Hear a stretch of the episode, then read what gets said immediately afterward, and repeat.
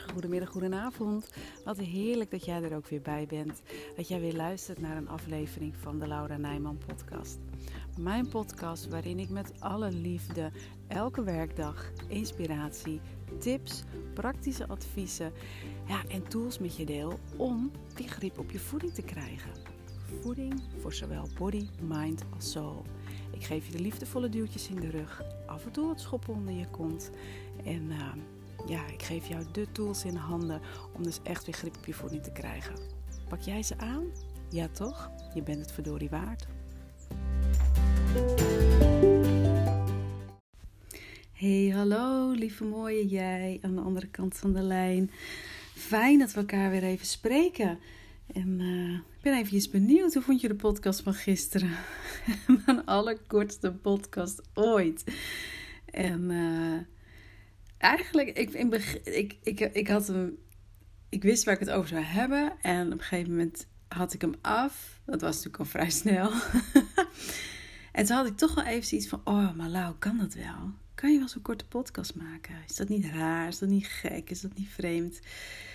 En toen dacht ik: Nee, dit is gewoon wat het is. Dit is de boodschap. En soms hoef je een boodschap ook niet langer te maken uh, dan dat hij is. Of een podcastaflevering aflevering langer te rekken dan nodig is. Dus um, ja, ik ben ook wel benieuwd. Ben je lief geweest voor jezelf? Is dat gelukt gisteren? En vandaag? Is dat vandaag ook al gelukt? Of misschien nog niet helemaal? Nou ja, weet je, het maakt ook niet zoveel uit in die zin. Als je jezelf maar niet te veel erover oordeelt of veroordeelt op het moment dat het um, onvoldoende is naar je zin. En um, ja, dat, dat, dat maakt het namelijk makkelijker. En dat wil niet zeggen dat je er dan maar jezelf hoeft te verschuilen of dat het dan niet belangrijk is. Want natuurlijk is het heel belangrijk om lief te zijn voor jezelf. Um, maar het hoeft geen vlucht zeg maar, te zijn op het moment dat het gewoon even niet lukt. En dat je er dan maar niks van vindt, dat het dan oké is. Snap je wat ik bedoel? Volgens mij leg ik het een beetje wollig uit. Dit. nou ja, goed. Als je niet helemaal snapt wat ik bedoel, laat me gewoon even weten. Want dan, dan leg ik het op een andere manier uh, uit. Ik, ik uh, nou ja, op een of andere manier lukt me dit nu gewoon even niet om, om de juiste woorden ervoor te vinden. En dat komt eigenlijk ook omdat ik uh, ja, met mijn hoofd eigenlijk ook al bij het onderwerp ben van vandaag. En dat uh, heeft al raakvlakken hoor met de podcast van gisteren. Zeker wel. En um, ja, laat ik maar gewoon uh, lekker daarover beginnen. Want ik raakte geïnspireerd door een, um, ja, echt een heel mooi boek. Dat boek is geschreven door Alberto Filoldo. En dat is een meneer die, um, hij is onder andere psycholoog en medisch antropoloog. En hij doet al meer dan 25 jaar volgens mij onderzoek naar um, ja, de geneespraktijken van de shamanen in de Amazone en de Andes, als ik me goed herinner.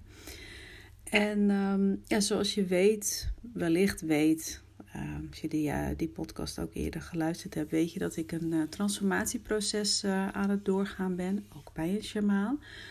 Dus ja, dit boek, ik heb het al een tijdje in de kast staan. Ik denk dat ik het al, misschien heb ik het al bijna twee jaar.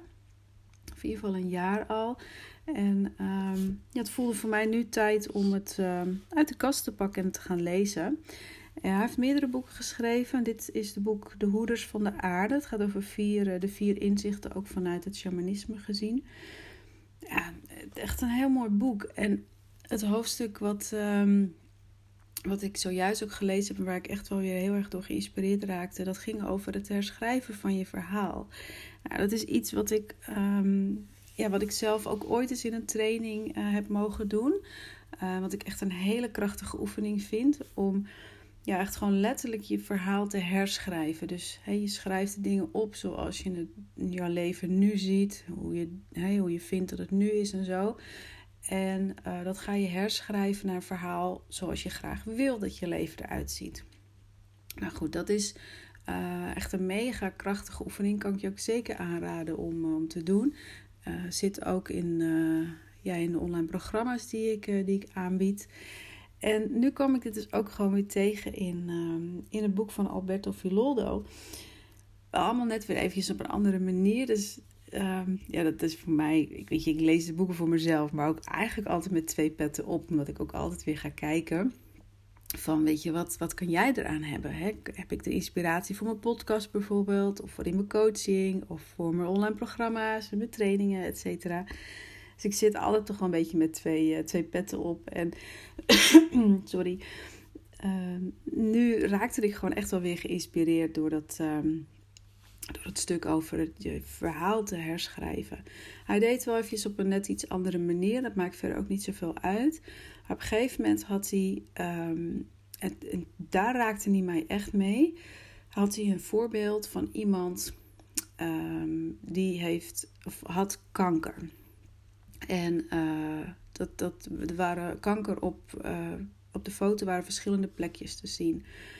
Dan kun je natuurlijk ja, je kunt sowieso verschillende dingen doen, maar wat hij eruit um, uithaalde over hè, ook het, het herschrijven van je verhaal. Hoe kijk je tegen dingen aan? Hoe wil je dat iets is? Hoe uh, creëer je ook eigenlijk je, hè, je eigen toekomst? Waar geloof je in? Waar wil je in geloven? En toen, toen schreef hij, of ik las in ieder geval wat hij schreef, is ja, je kunt jezelf op dat moment zien als een kankerpatiënt.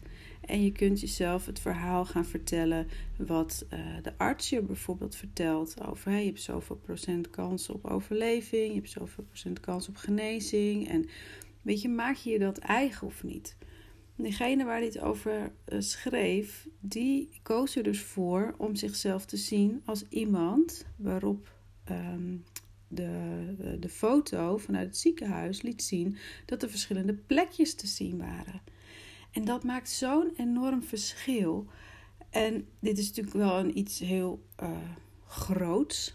Um, hè, ook al uh, kun je erin geloven dat kanker, hè, dat het dan geen kanker is, of dat je de kanker kunt zien als plekjes um, op, een, uh, op een röntgenfoto bijvoorbeeld.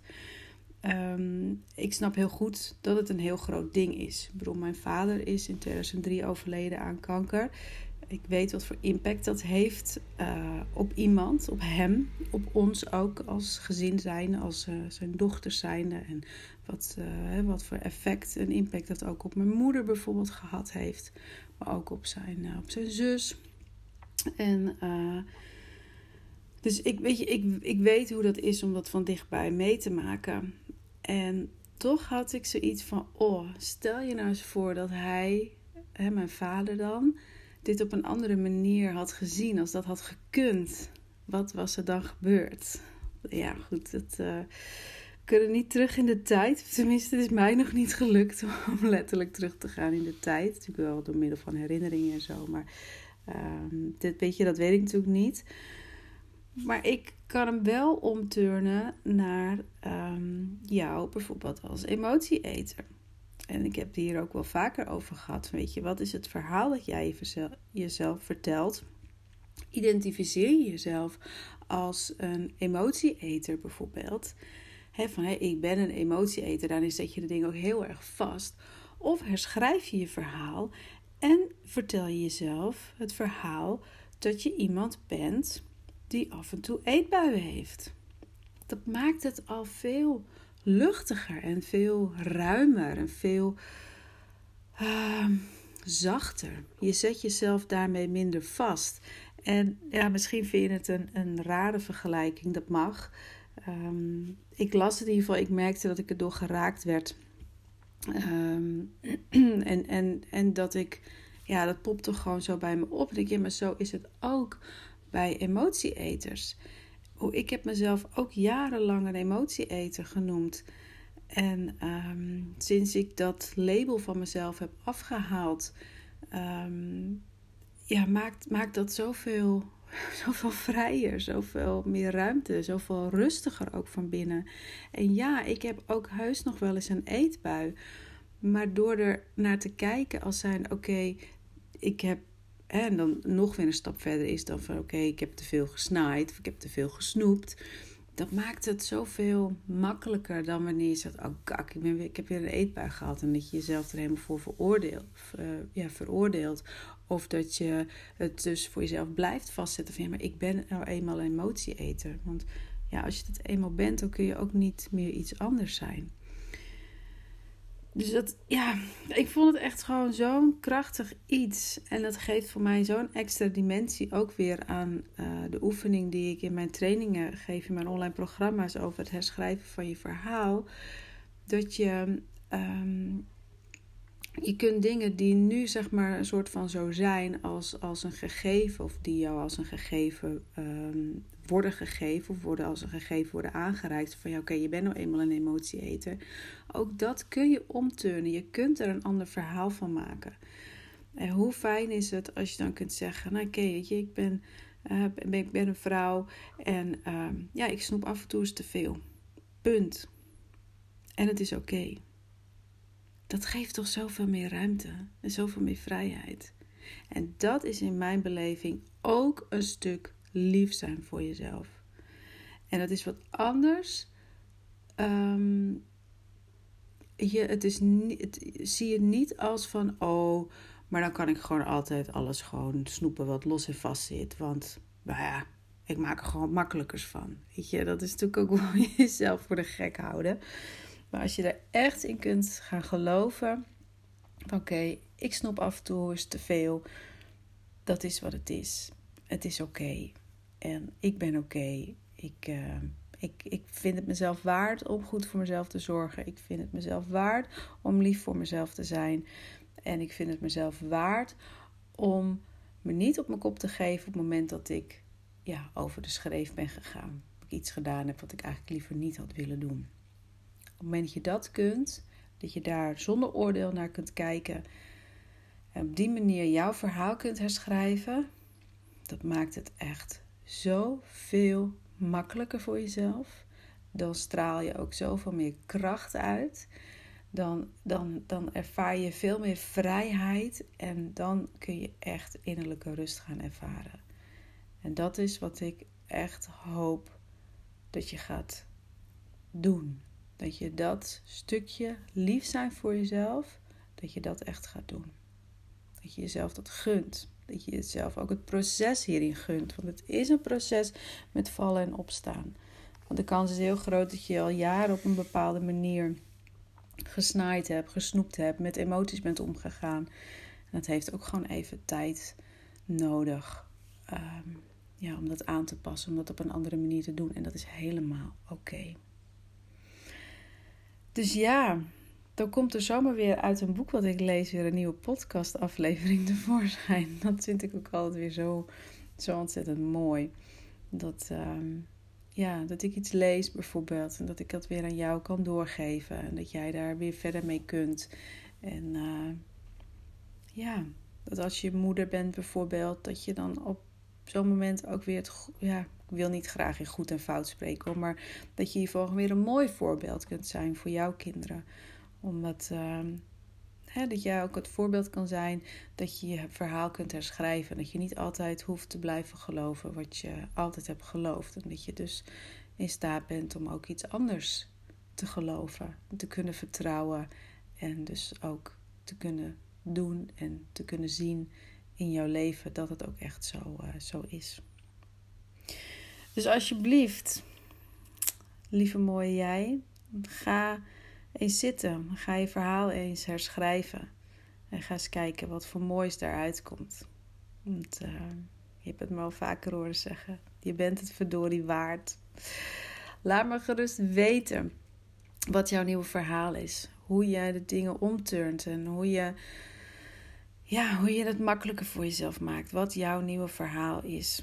Waar jij in, uh, in wil geloven, in gaat geloven. Of ik zeg waar jij in gelooft wat het zal zijn. Ik hoor dat echt heel graag. Heb je er een beetje moeite mee? Je kunt altijd eventjes naar mijn website gaan, lauranijman.nl. Uh, je kunt een gratis inzicht, inzichtensessie, lastig woord. ik ga er nog een ander woord voor bedenken hoor. Een gratis inzichtensessie bij me aanvragen.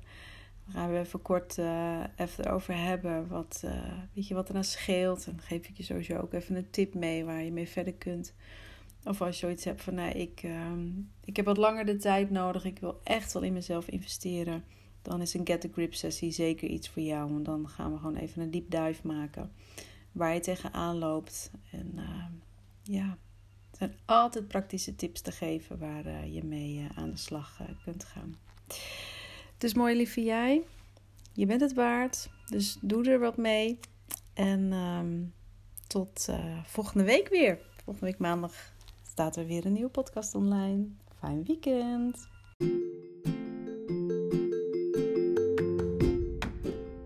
Nou, dit was hem weer. Weer een aflevering van mijn podcast.